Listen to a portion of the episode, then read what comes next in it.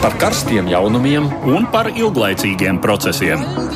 Par idejām, par cilvēkiem, par naudu un par laiku. Par abām mūsu planētas puslodēm, un lietojot abas smadzeņu puslodes. Ēterā raidījums divas puslodes. Labdien, jums saka, Aits Tamsons. Kopā ar mani ir otrs šī raidījuma līdzautors Edvards Liniņš. Divas puslodes šodien būs par tuvajām ārzemēm. Krievija, Baltkrievija, Ukraina. Notikumi tur pievērš gan, gan drīz vai visas pasaules uzmanību. Baltkrievijas bēgļu krīze varētu būt tikai uzmanības novēršanai tam, kas notiek Ukrainas robežas tūmā. Tā brīdinājis Savienoto Valstu valsts sekretārs Blinkens, sakot, ka iespējams ir Krievijas iebrukums Ukrainā. Krievija pie robežas atkal pulcē karaspēku un tehniku, un pēc izlūkdienestu apliesēm tuvāko pāris mēnešu laikā ir iespējamas gan provokācijas, gan arī militāras operācijas. Mēs Ukrainai veltīsim šoreiz vairāk laika nekā parasti, bet nu, pievērsīsimies arī Baltkrievijai. Ko tad īsti Lukašenko gribēja panākt ar migrantu krīzi, ko viņš ir panācis, kāds ir rezultāts visām viņa aktivitātēm? Pēdējo dienu laikā spriedzi pie polijas robežas nav īpaši mazinājusies. Un būs arī dažas ziņas īsumā. Bet sākam vispirms ar faktu apkopojumu par notiekošo pie Krievijas-Ukrainas robežas. Gluži tāpat kā šie gada pavasarī netālu no Ukrainas austrumu robežas pēdējā mēneša laikā novērota Krievijas Federācijas bruņoto spēku koncentrēšanās. Tiek lēsts, ka šobrīd Jeļnas pilsētas rajonā, kas atrodas apmēram 260 km uz ziemeļiem no Ukrainas ziemeļu robežas, dislocēti vairāk nekā 90 tūkstoši Krievijas karavīru un vairāk nekā tūkstotis bruņu tehnikas vienību. Ukrainas aizsardzības ministrijas galvenās izlūkošanas pārvaldes priekšnieks, brigādes ģenerālis Kirilo Budanovs Pagājušās nedēļas nogalē izteicies, ka šāda Krievijas spēku koncentrēšana varot liecināt par nolūku nākamā gada janvārī vai februārī veikt plašu uzbrukumu Ukrainai, kas ietvertu aviācijas uzlidojumus, tiem sekojošus uzbrukumus Donbasā, iespējams jūras desantus Mariupoles un Odesas rajonā, kā arī mazāka mēroga uzbrukumus Ukrainas robežām no Baltkrievijas teritorijas. Iespējams, Krievijai negaidīta bija vairāku rietumu rietumu valstu asā reakcija, kas šoreiz pat apsteidza briesmu signāls no Kievas. 10. novembrī Vašingtonā kopīgā preses konferencē ar Ukrainas ārlietu ministru Dmitro Kulebu Savienoto valstu valsts sekretārs Antonijs Blinkens brīdināja Krieviju nepieļaut kļūdu, atkārtojot Ukrainā ko līdzīgu 2014. gada agresijai. Tāpat spilgts fakts šai kontekstā ir Britu mediju pagājušajā nedēļā izplatītā ziņa, ka Krievijas agresijas gadījumā uz Ukrainu varētu tikt nosūtīta 600 kareivju liela Britu vienība, kuras kodolu veido 16. gaisa triecienu brigādes izpletņu lēcēji piedaloties arī īpašo uzdevumu vienības SAS, speciālā izlūkošanas pulka un citu palīgvienību karavīriem. 15. novembrī Parīze publiskoja informāciju ka prezidents Emanuēls Makrons telefonu sarunā ar Krievijas līderi Vladimiru Putinu esot paziņojis, ka Francija gatava aizstāvēt Ukrainas teritoriālo integritāti. Dienu vēlāk pēc tikšanās ar Dmitro Kulebu Briselē Francijas un Vācijas ārlietu ministrs Žants Īvs Ledriāns un Heiko Mās pauda brīdinājumu Maskavai par nopietnām sekām, ja notiks mēģinājums graut Ukrainas teritoriālo vienotību. Tikām Kremlis, kā ierasts, ieņēmis pazemotā un apvainotā pozīciju. Prezidenta Putina runas vīrs Dmitrijs Peskovs svētdien nodēvēja rietumvalstu līderu paziņojumus par histēriju un aizrādījis, ka militārā palīdzība Ukrainai, kādu sniedz NATO valstis, esot galvenais saspīlējuma iemesls. Pie klausulas visu stundu būs Austrumēropas politikas pētījuma centra pētnieks Mārcis Balodis. Labdien, Mārci! Labdien! Un par Ukrainu runājot arī žurnālists kolēģis Aleksejs Grigorjevs. Labdien, Aleksej! Labdien! Nu, būs mums arī vēl kāda sazvanīšanās. Bet par to, ko īsti Krievija dara un kāpēc, faktiski jau netrūkst arī šobrīd dažādu spekulāciju. jūsu versija. Aleksei, sāksim ar jums. Jūsu versija, kas šobrīd notiek? Um, nu, uh, notiek kārtējais, uh, kārtējais tātad posms uh, Krievijas hibrīda karā pret Ukrainu, pret rietumiem, pret NATO un pret Eiropas Savienību. Protams, pret ASV, kuru, kuru Krievija uzskata par savu galveno pretinieku. Un, un tāpēc, tāpēc grūti pateikt. Protams, jautājums vienmēr ir, vai būs karš, vai uzbruks Krievija Ukrainai vai nē. Karš jau notiek. Un arī, arī Ukrainā, un arī visur citur. Mēs redzam Poliju, mēs redzam, kas notiek uz Baltkrievijas Latvijas robežas. Tā kā karš jau notiek, Kāds būs nākošais posms, būs atkarīgs no mūsu reakcijas. Es domāju, ka to tagad saprot arī, um, arī uh, tā sauktajos rietumos. Un tāpēc šī diezgan enerģiska un um, uh, tāda uh, izlēmīga uh, samērā uh, salīdzinot ar iepriekšējiem laikiem. Uh, reakcija Vašingtonā, Parīzē un Berlīnē Uh, un Briselē, uh, ne, iespējams uh, novērsīs šo, šo kara posmu. Bet um, Krievijas strateģiskie mērķi, Putina strateģiskie mērķi paliek tie paši.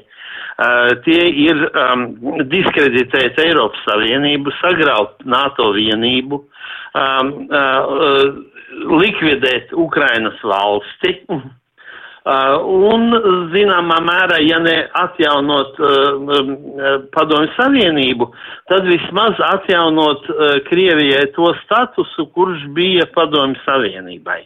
Uh, starp citu, arī ar uh, iespējams, nevis ar kara, bet ar kaut kādas kārtējās jaltas, tā teikt, jaltas divi. Um, um, tā teikt, ar tādu paņēmienu, kā, kā, kā sarunu ceļā. Nā, sakot, panākt, panākt, jā, panākt, ka runā, jā, panākt, ka runā ar viņu. Jā, panākt, ka runā un panākt, ka padodas faktiski. Mm.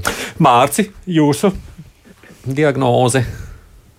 Jā, nu, ņemot vērā to, cik, cik Krievijas redzējumā, cik liela ir nozīme Ukrainai, ne tikai ekonomiski vai politiski, bet arī militāri un simboliski pat.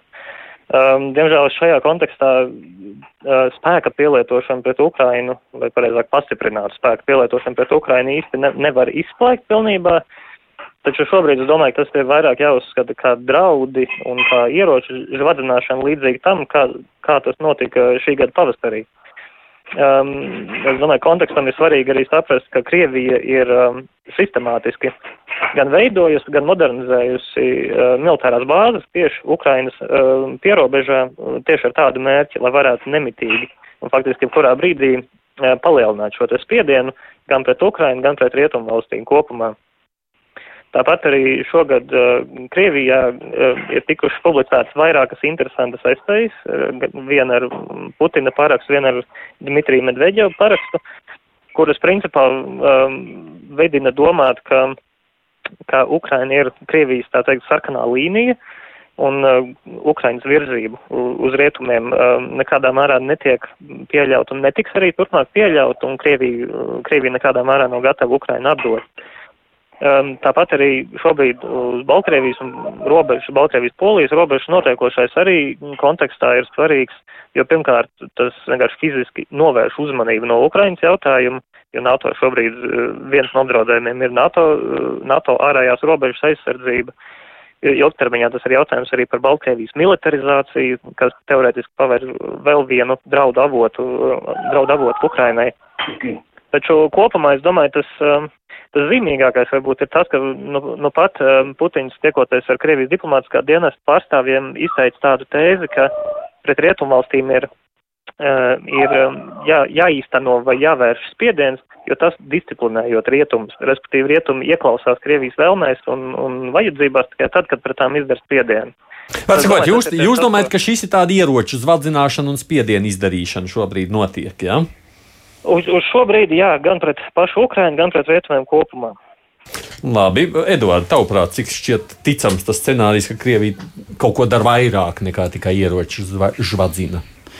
Nu, tādu iespēju nekad nedrīkst izslēgt, um, jo nu, ir šis un tas ir mainījies, varbūt arī tādā militāra taktiskā nozīmē. Uh, pirmām kārtām šobrīd vairs ne tuvu nav droši, ka um, nevar notikt šis iebrukums vai vismaz militārs spiediens uz Ukrainu no uh, Baltkrievijas robežas. Ja teiksim, pirms pāris gadiem uh, Lukašenko režīma nostājas dēļ un uh, tādēļ, ka toreiz Baltkrievija salīdzinoši bija pašpietiekamāka valsts, kas beidzās līdz ar to brīdi, kad uh, politiski paspēlējušais pašpasludinātais prezidents faktiski uh, bija spiests atzīt sevi par Maskavas vasali Eh, pa, apmaiņā pret palīdzību viņam noturēties pie varas, tad šobrīd ļoti iespējams, ka Krievija var jau diezgan brīvi rīkoties arī no Baltkrievijas teritorijas. Tas tai dod nu, tādā militāra taktiskā ziņā lielas priekšrocības. Vēl viens apstākļus ir tas, ka Ukrainas militārie spēki Ukrainas eh, militāro spēku sazobe ar pārējo valsts sistēmu ar katru gadu kļūst labāka. Eh, un tas, kas notiek pēdējo, nu, teiksim, pēdējā pusotra, varbūt divu gadu laikā ir stipri palielinājusies tiešām reāla militārā sadarbība starp Ukrainu un vairākām spēcīgām NATO valstīm. Tā ir sadarbība ar Lielbritāniju Ukrainas flotes izbūvēi, tāpat sadarbība ar Savienotajām valstīm šai ziņā, tā ir sadarbība ar Turciju. Un, teiksim, Ukrainai tiek piegādāti tie paši Bairaktar bezpilota lidaparāti, kuri tik efektīvi sevi parādīja Azerbaidžānas un Armēnijas konfliktā nesen. Kā ļoti bīstams ierocis, Turcija tos Ukrainai piegādā. Tātad tas viss, protams, varētu mudināt Krieviju uz tādu izjūtu, ka vai nu tagad, vai vēlāk būs par vēlu. Vēlāk būs vēl grūtāk, vēl, vēl lielāk upuri, vēl asiņaināk. Varbūt, ka ir pēdējais brīdis, mm, nu, ja tādu triecienu pret Ukrainu vispār grib dot, tad tas ir jādara tagad. Šādu iespēju izslēgt nevar. Nu, mēs esam sazvanījuši šobrīd arī uh, bijušo Latvijas bruņoto spēku komandieru ģenerāli Raimondu Graubi. Graubs kungs, labdien! Labdien! No tās jūsu pieredzes raugoties, cik jums šķiet ticami tāda bruņota sadursme starp Krieviju un Ukrainu? Nu, jā, es laikam piekritīšu daudziem arī analītiķiem un arī šobrīd izskanējušai pārraidē tādai tēzē vai cerībai, ka, kad nu, nu, tādā konflikta nebūs, ka tie ir tikai draudi, bet tā pašā laikā es tomēr nu, ļoti, ļoti uzmanītos, jo situācija ir nebijusi. Es uzsveru, nebijusi, ja mēs salīdzinām ar 80 tūkstoši Krievijas karaspēka karavīri, kas, kas it kā pulcējās šī gada pavasarī. Šeit situācija ir ļoti atšķirīga. Šeit ir no, nu, no vairākām pusēm, ja tā var teikt. Un, un, un, un arī priekšnoteikumi ir citi no, no militārā. No militārā Kādā ziņā? Kādā ziņā? Es, kad, es skatos kontekstā, kontekstā arī ar to, kā tad Krievija šobrīd sev prezentē, ko viņi darīs, teiksim, nu, pēdējā mēneša laikā, piemēram, ja.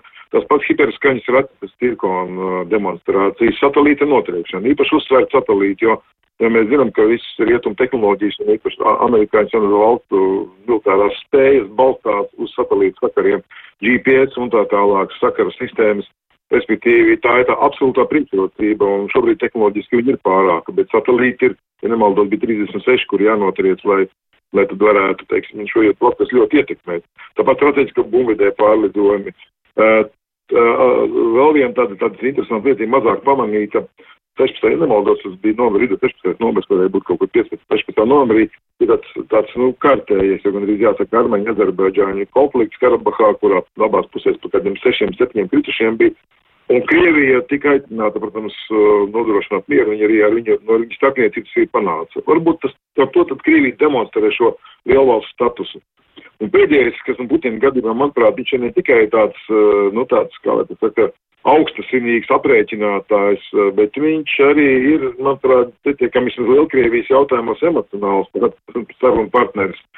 Un viņa, manu, Ukraina, viņa lielākā, nepa, lielākais nepabeigtais darbs, tā es to raksturotu, jo, jo Atcerēsimies, viņš zaudēja 2004. gadā, zaudēja, nu, tomēr zaudēja, lai daļa iegūtu, bet viņš vēl līdz galam savu mērķi nesniedz 14. gadā, un, nu, kas turpinājās, un turpinās, principā, tagad.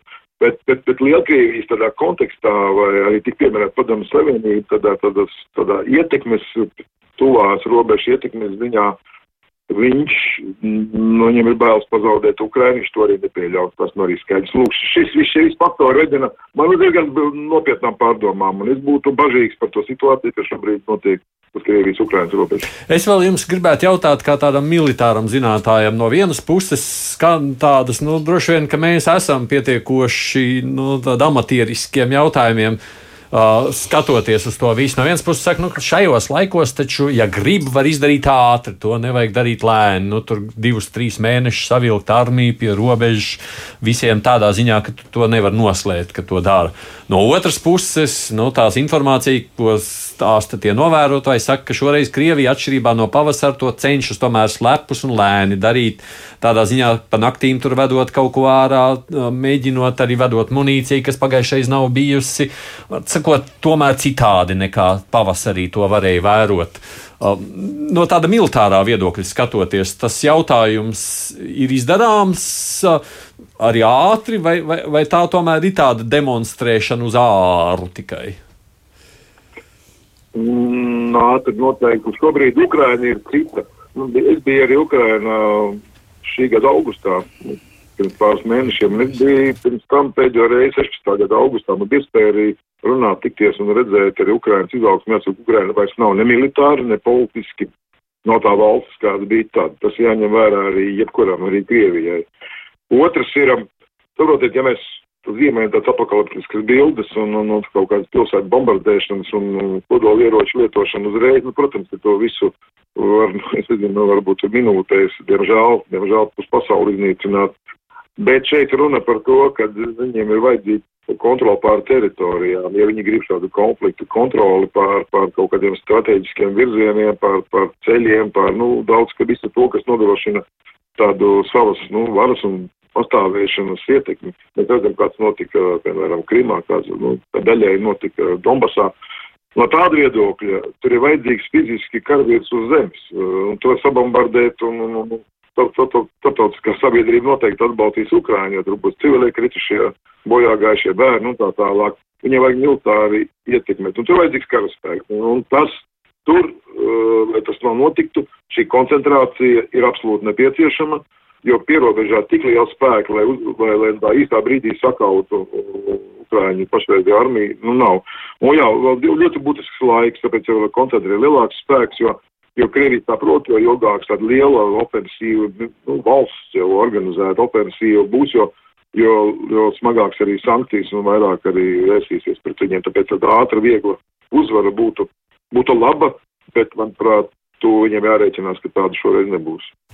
Paldies, es saku Raimondam Graubam, paldies jums par veltīto laiku, bijušais Latvijas bruņoto spēku komandieris un ģenerālis. Klausoties šajos te viedokļos, uh, Ko tad īsti, nu, vispirms māci, jūsuprāt, ko tad īsti Krievija grib šobrīd panākt? Um, attiecībā uz rietumvalstīm Krievija vēlas panākt, lai, um, lai Krievija tiktu pieaicināta pie lielvaru galda. Tas ir viens no Krievijas ģeopolitiskajiem uzstādījumiem vai mērķiem. Un, um, teiksim, arī šādā situācijā um, tas Krievijas aprēķins ļoti iespējams ir tieši attiecībā pret rietumvalstīm ir balstīts uh, idejā, ka ko līdz, eh, ko līdz Krievija var sēdēt pie viena galda ar noteicošām valstīm, galvenokārt tā ir tieši ASV, tad uzreiz ir iespējams uzsākt tirgu un iespējams problēma ir atrisināt, un arī Krievija, ir iespēja, Krievija var sev iegūt gan leģitimitāti, gan arī jau iestāties par savām interesēm. Eh, savukārt attiecībā pret Ukrainu mm, tas ir absolūts mēģinājums, ja kādā mērā bremzēt uh, Ukrainas virzību prom no Krievijas ietekmes sfēras. Uh, Kremļa skatījumā neatkarīga uz rietumiem orientēta Ukraina ir kļūda, un šī kļūda kaut, kaut kādā mērā ir jālabot, vai, vai tas vispār ir jānovērš pašā saknē. Un uh, rezultātā, principā, Krievija vēlas panākt, lai gan Ukraina, gan Rietumvalstis um, atzītu Krievijas intereses un tās sadarbotos ar Krieviju pašas Krievijas interesu sasniegšanā. Mm. Nu, Ale Aleksējs jau te minēja savus tos mērķus, ko viņš redz tajā visā kopējā skatījumā. Realtātē, Aleksej, kā jums šķiet, kas ir notiek, ka, nu, kāda varētu būt tuvāko mēnešu vai nedēļu vai mēnešu tā atti notikuma attīstības scenārijs? Nu, um, uh, notikuma uh, scenārijs, kas būtu labvēlīgs Krievijai, būtu tas, ka um, uh, rietumi Uh, respektīvi uh, pirmām kārtām ASV, uh, tad Vācija, Francija, iespējams arī Lielbritānija ielūgtu Putinu vai vēl labāk aizbraukt pie viņa uz Maskavu un, kā iepriekšējais runātais teica, saistot pie galda, lai pārunātu, kas, tā teikt, kam piederēs. Tā lieta ir tāda, ka tas, ko, ko Krievija grib panākt, tas vispār nav iespējams. Eh, Krievija grib panākt, jo Krievi, pēc Krievijas ieskatiem um, visas sarunas par cilvēktiesībām, par suverenitāti um, un tā tālāk eh, rietumiem uh, ir vajadzīgs acu aizmālēšanai. Bet īstenībā viņi sanāk kaut kur, vai ne kaut kāda nezināmā um, vietā, un tad tur visu sadala savā starpā. Teiksim, tur Obama dabūs Āfriku, jo viņš pats ir afrikānis, teiksim, um, vai ne, Merķele var, var rīkoties pa Ziemeļa Eiropu, vai Makrons pa Dienvidu Eiropu, bet Austrum Eiropa un tur vēl kaut kas, tā teikt, ko varēs sarunāt, to dabūs uh, Krievija un varēs tur rīkoties um, kā grib. Mēs zinām, ka tas tā nenotiek un diez vai notiks. Tāpēc, bet, eh, bet um, Krievija uzskata, ka notiek tieši tā, bet tikai viņus nelaiž klāt pie tā galda. Un tāpēc visa tā mm, izrādīšanās, kas tagad notiek jau nu, vairākus gadus, tā ir uh, ar vēlēšanos panākt, lai viņus pie tā galda, tai sapulcē, nu, vecāku sapulcē, ielaiž un, un, un uztver pa uh, nu, tikpat svarīgu sarunu uh, biedru kā visi pārējie. Saprat, jā. Tur jau ir. Jā. Mm? Saprat, saprat. Eduardam bija, tev bija saruna savukārt ar kādiem, kādu cilvēku. Jā, man bija saruna ar mūsu raidījuma jau regulāru sarunbiedru Ukraiņu politologu Dmitro Ļevušu. Mm -hmm. Tā ka mēs to varam paklausīties. Ну, по большому счету мы с 2014 года живем в состоянии войны. Kopumā ņemot, mēs jau kopš 2014. gada dzīvojam kara stāvoklī, tā kā šajā ziņā nekā jauna. Karš turpinās. Pašreizējās situācijas unikalitāte ir ne tik daudz draudu līmenī, bet tajā, ka šoreiz beidzot ir absolūti atklāti rietumu signāli par to, ka rupšs Krievijas federācijas militārais iebrukums nepaliks bez atbildes. Šoreiz rietumi pirmo reizi attiecībā pret Krievijas federāciju ir sākuši rīkoties apsteidzoši ir atbilstošs valsts sekretāra Blinkena paziņojums, ir signāls no Lielbritānijas, ka uz Ukrainu var tikt nosūtīti 600 britu desantnieki. Ir noteikti paziņojumi arī no Francijas, kura agrāk vienmēr ļoti izteikti distancējās.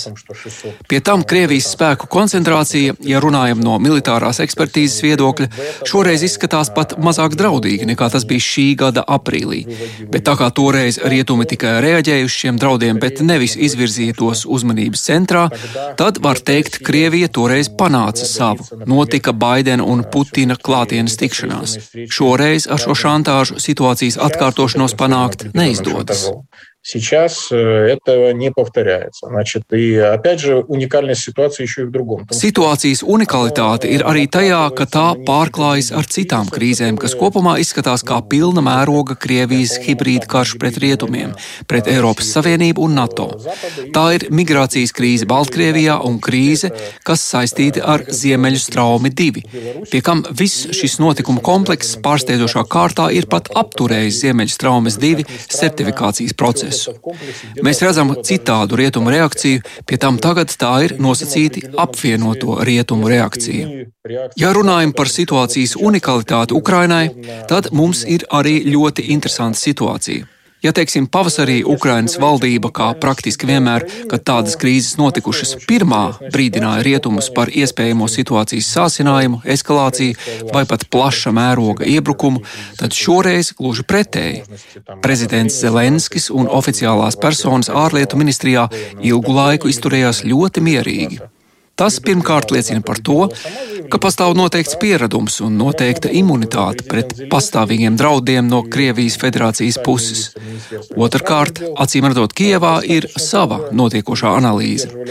Galvenais pašreizējā situācijā ir tas, ka pilnīgi noteikti Ukrainā nav nekādas panikas, un tas, ka šajā eskalācijas draudu situācijā rietumi ir rīkojušies apsteidzoši упреждения. На самом деле у нас не 2014 год. Šis patiešām vairs nav 2014. gads. Nav tādas nenoteiktības. Bruņotie spēki ir labā stāvoklī. Šobrīd ir jau pagājis noteikts laika periods, kopš tika nomainīta bruņoto spēku vadība. Pirmkārt, tas attiecas uz virspavēlnieku ģenerāli Zalužniju. Nedaudz mazāk laika pagājis kopš aizsardzības ministra amatā ir Oleksijs Reznikovs. Zalužnijs ir īsts armijas profesionāls, un viņš jau ir paguvis iejusties savā jaunajā amatā. Pie tam viņš pieder pie tā saucamās jauno ģenerāļu formācijas, kas savu karjeru veidojuši jau kara situācijā. Reznikovam ir arī laba vadītāja reputācija, un armija viņu uztver pozitīvi. Jā, zināmas sistēmiskas problēmas pastāv, bet pirms dažām nedēļām notika tāda diezgan interesanta demonstrācija, kad pirmo reizi kaujā pret Krievijas artilēriju, kas darbojas no okupētās Donbas teritorijas, tika izmantots bezpilota lidaparāts Bayraktar. Aktīvi darbojas snaiperi. Tas viss liecina, ka, ja notiktu plaša mēroga Krievijas uzbrukums Donbasā, mēģinot ar izšķirošu kauju noteikt šī kara iznākumu vai vienkārši destabilizēt Ukrainu, tad Kremļa iespējamie panākumi, maigi izsakoties, nav acīm redzami. Успех для Кремля, мягко говоря, не очевиден. Klausoties šo politologu, Ukrāņu politologu sacīto, viņš teica, ka rietumi šoreiz ir gājuši nu, jā, pa priekšu, apsteidzot uh, pašus Ukrāņus. Ko īsti rietumiem vajadzētu šajā situācijā vispār, ja kā viņiem vajag rēģēt, skatoties to, ko Krievija dara pašlaik? Nu, ja mēs runājam par tādu skatu no Ukrainas un arī, es teiktu, no uh, Ukrainas sabiedroto uh, Ziemeļaustrum Eiropā, Centrāla Eiropā, Baltijas valstu, Polijas viedokļa, eh, tad rietumiem vajadzētu turpināt darīt to, ko viņi dara, un viņiem nekādā ziņā nevajadzētu darīt to, par ko, kā jau Grigorjevs kungs to atzīmēja, sapņo eh, Kremlis. Un eh, te var, varētu būt vispār interesanti nu, šis temats par Jaltu divi. Ja, mm. Ka Putins varētu apsēsties kopā, nu, teiksim, ar uh, Baidenu un nu, kaut vai Džonsonu, un varbūt Šolcu, arī Ma Makronu vai, Šolts. vai, vai nākošo kancleru Šolts. Jā, jā, vai, jā nu, tā tad um, apsēsties un parunāties tāpat kā Staļins savā laikā parunājās ar Čerčilu un Rūzveltu Jaltā un tā sacīt sabīdīja lietas. Uh, par to Putins, protams, var sapņot. Uh, ilgi un dikti, uh, bet nu, ir pilnīgi, pilnīgi piekrītot tam, ko arī Grigorjevs kungs teica, eh, to nedrīkst darīt, jo tā ir um, faktiski, nu, tā būtu Krievijas lielākā uzvara. Tā būtu ne tikai, teiksim, uh, taktiska uzvara, kas varētu būt, teiksim, kaut kādas lielākas ietekmes atgūšana Ukrainā, bet uh, tas būtībā nozīmētu uh, milzīgu soli atpakaļ visā pasaules uh, ģeopolitiskajā kārtībā. Nu, Jalta divi, ja mēs zinām, kas pēc tam notika, uh, nu, tad, ir, tad ir jātaisa dzelzs priekškars, tad ir jātaisa jauns dzelzs priekškars Eiropā. Uh, un varētu būt, bet varētu būt arī tāds pieticīgāks skatījums no Maskavas puses, ka ir mazliet atkal kaut kas jāiedod Krievijas sabiedrībai. Jo neaizmirsīsim, ka arī Krievijas vara ir smagi aplauzusies ar to pašu vakcināciju.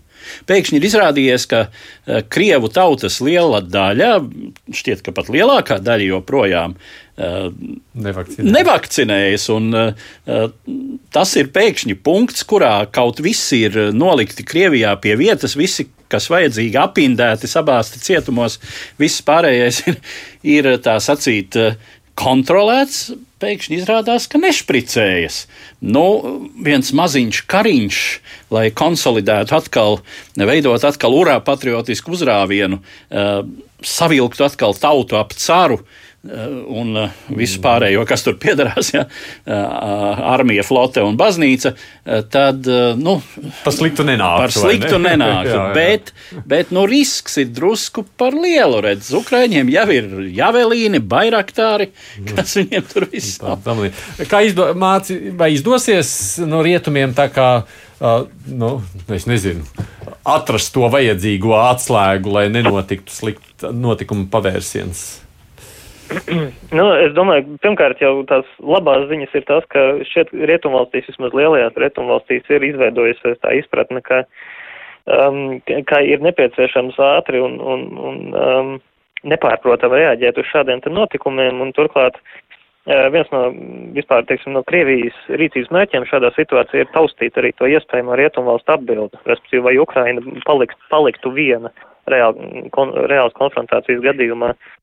Un um, skatoties jā, no gaišās puses, uh, šeit rietumvalstu paziņojumi, um, un uh, ir ļoti svarīgi, taču, protams, ir tikpat svarīgi, svarīgi ir arī tas, vai šādiem retoriskiem paziņojumiem sakot arī reāla darbība.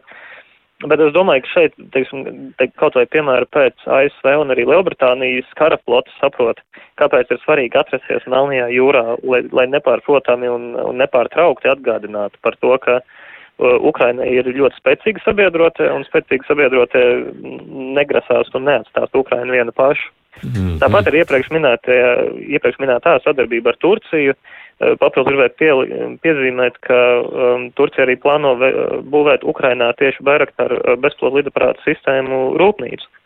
Uh, respektīvi, ka šeit jau veidotos diezgan nozīmīgi alians uh, Ukrainai. Uh, Un tāpēc tā kopējā atbilde ir, um, vai tas kopējais secinājums ir tas, ka Rietumvalsts šeit beidzot saprot, um, ka, ka ir nepieciešama nepieciešam skaidra un izlēmīga atbilde.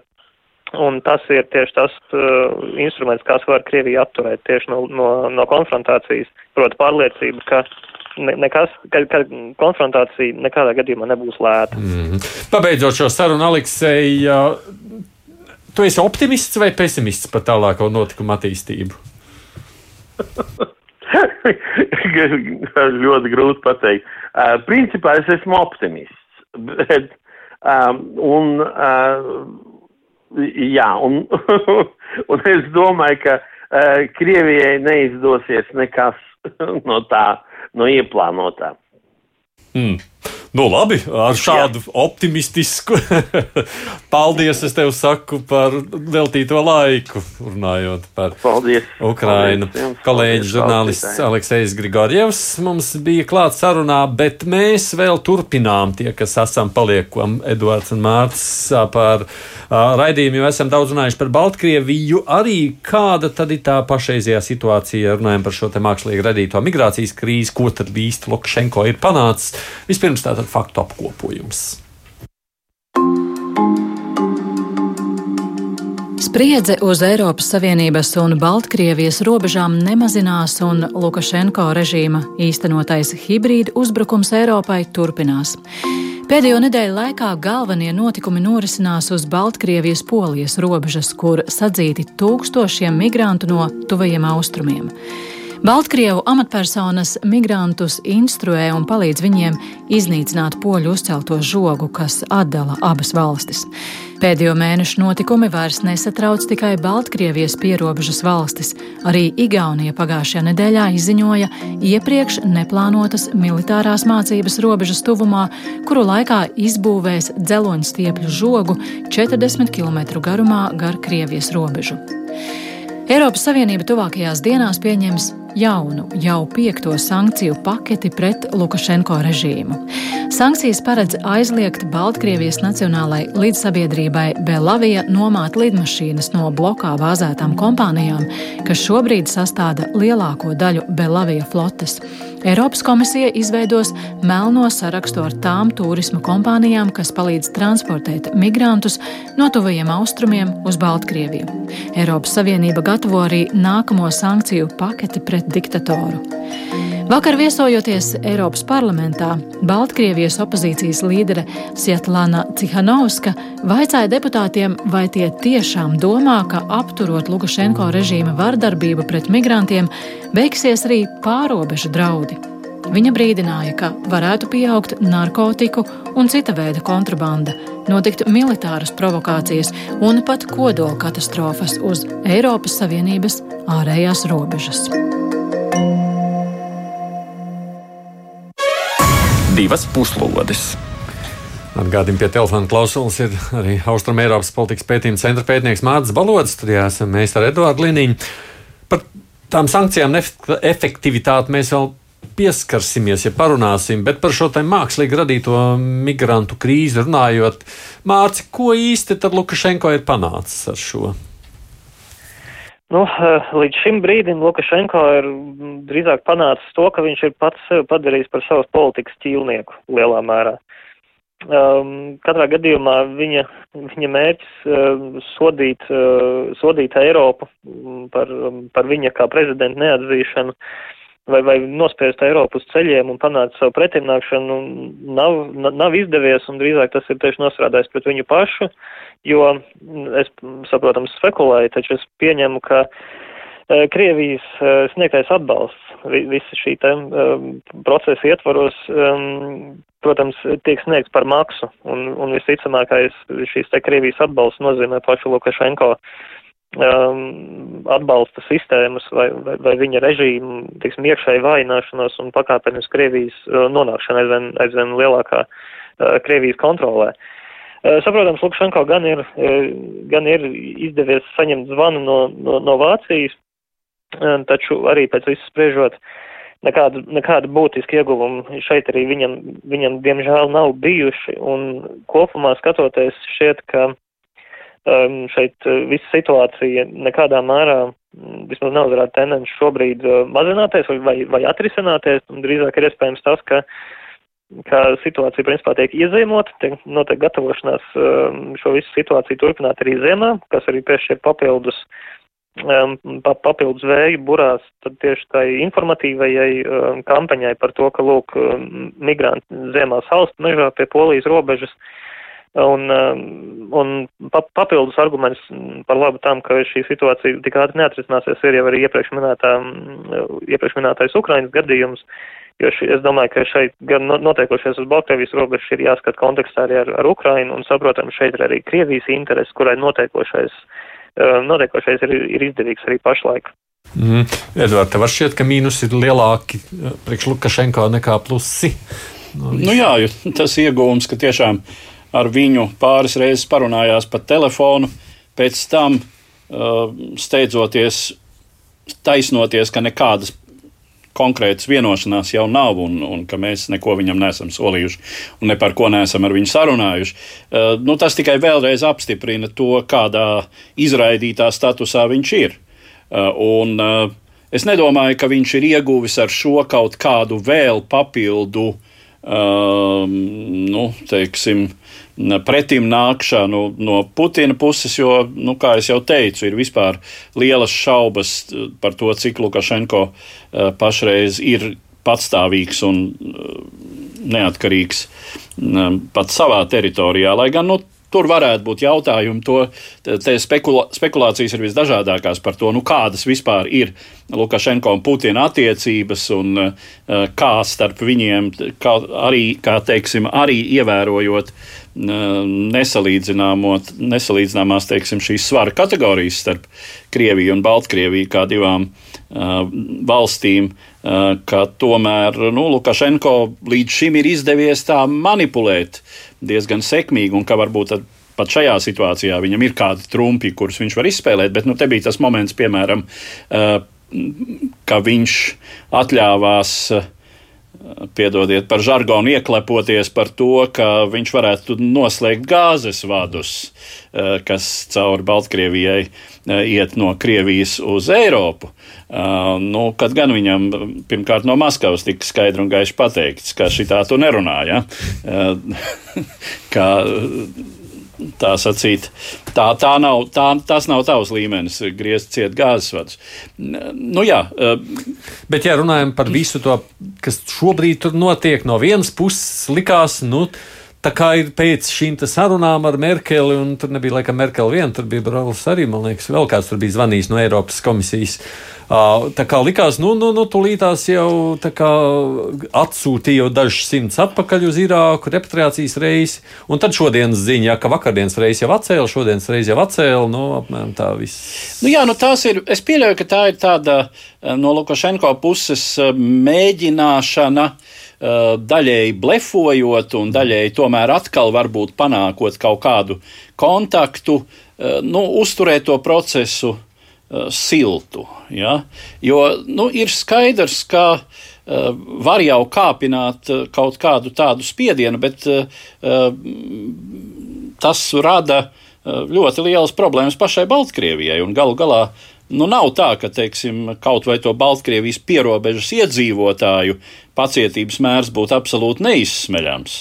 Uh, jo, nu, jā, protams, diktatorisks režīms ar lielām iespējām savus iedzīvotājus uh, piespiest pakļauties, bet tajā pat laikā nu, tas, kas notiek, pamatā jau tas notiek Baltkrievijas teritorijā, gan tā nosalšana mežā, gan, gan uh, nu, šiem cilvēkiem, taču Jā. tur ir jāuzturas, un viņi tur neizbēgami rada Eh, vietējiem eh, es, es pieļauju pat arī zināmas briesmas, eh, zināmas draudus. Ne. Nekontrolēt šādu cilvēku masu. Tagad kāda arī iesprūda atpakaļ Minskā, mēs redzam, atpakaļ netiekot. Bet Mārci, man savukārt skatoties uz šo visu, likās, Redz, tur kādā brīdī parādījās ziņa, ka pēc sarunām ar uh, Merkeli tur uh, varētu izņemt Belavijā no sankciju režīma ārā.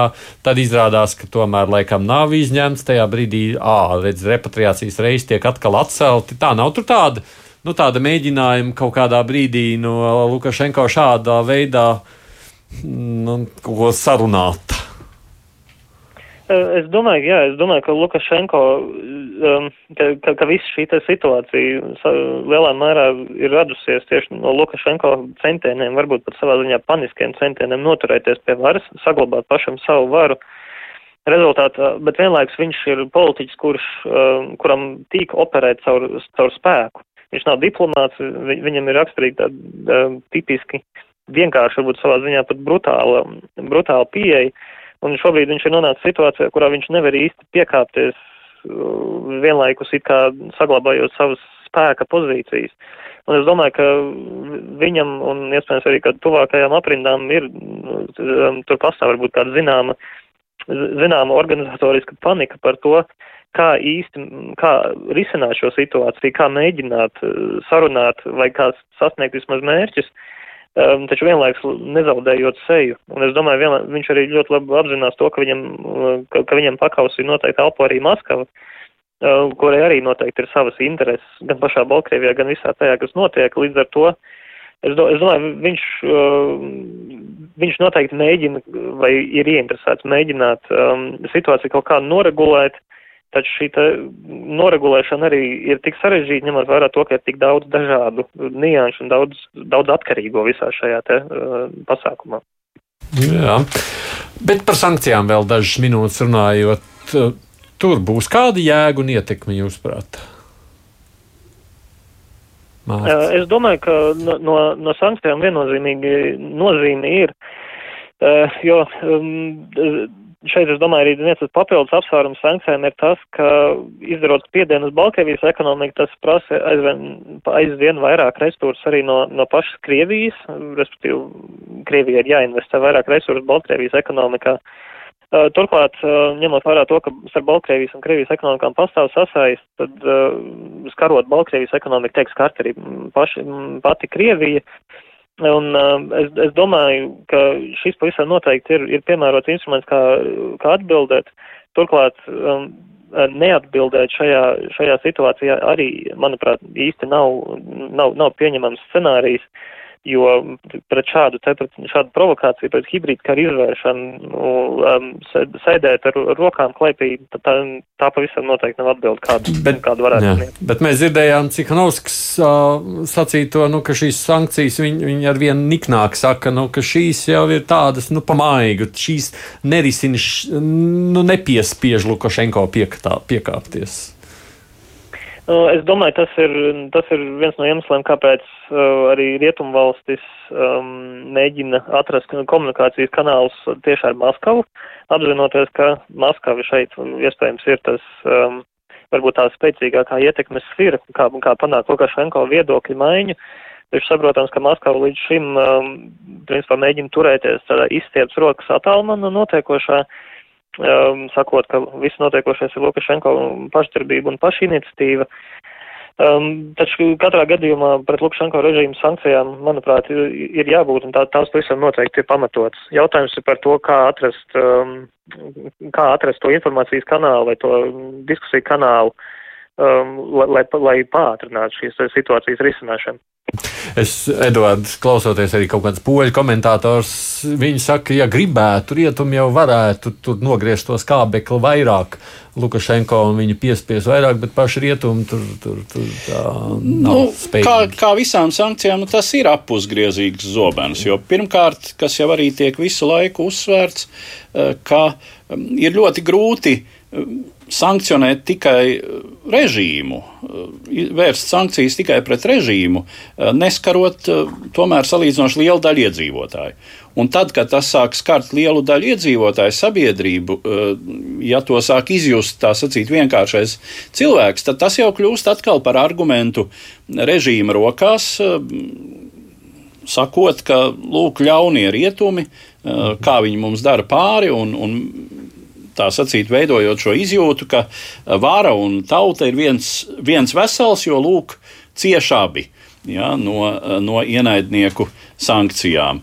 Tas ir viens. Otrs šajā gadījumā, nu, kāda ir Baltkrievijas izēja kādu sankciju gadījumā, protams, pirmais ir vērsties jau atkal ar lūgumu palīdzēt pie Maskavas, kas tad arī acīm redzot notiks. Nu, to jau mēs vērojam, ja, ka tas tiešām var kādā brīdī novest pie tā, ka, nu, varbūt jā, Baltkrievija bez Lukašenko, bet jau teju kā Krievijas guberņa vai, nu, teiksim, vasaļ mandāta teritorija. Jā. Bet tas, ka, pieņemsim, šobrīd runa varētu būt, ka tiek nu, nograuta Belāvija, nu, pieņemsim, viņa vietējā avio kompānija, Jā. tam ir kāda nozīme vai jēga?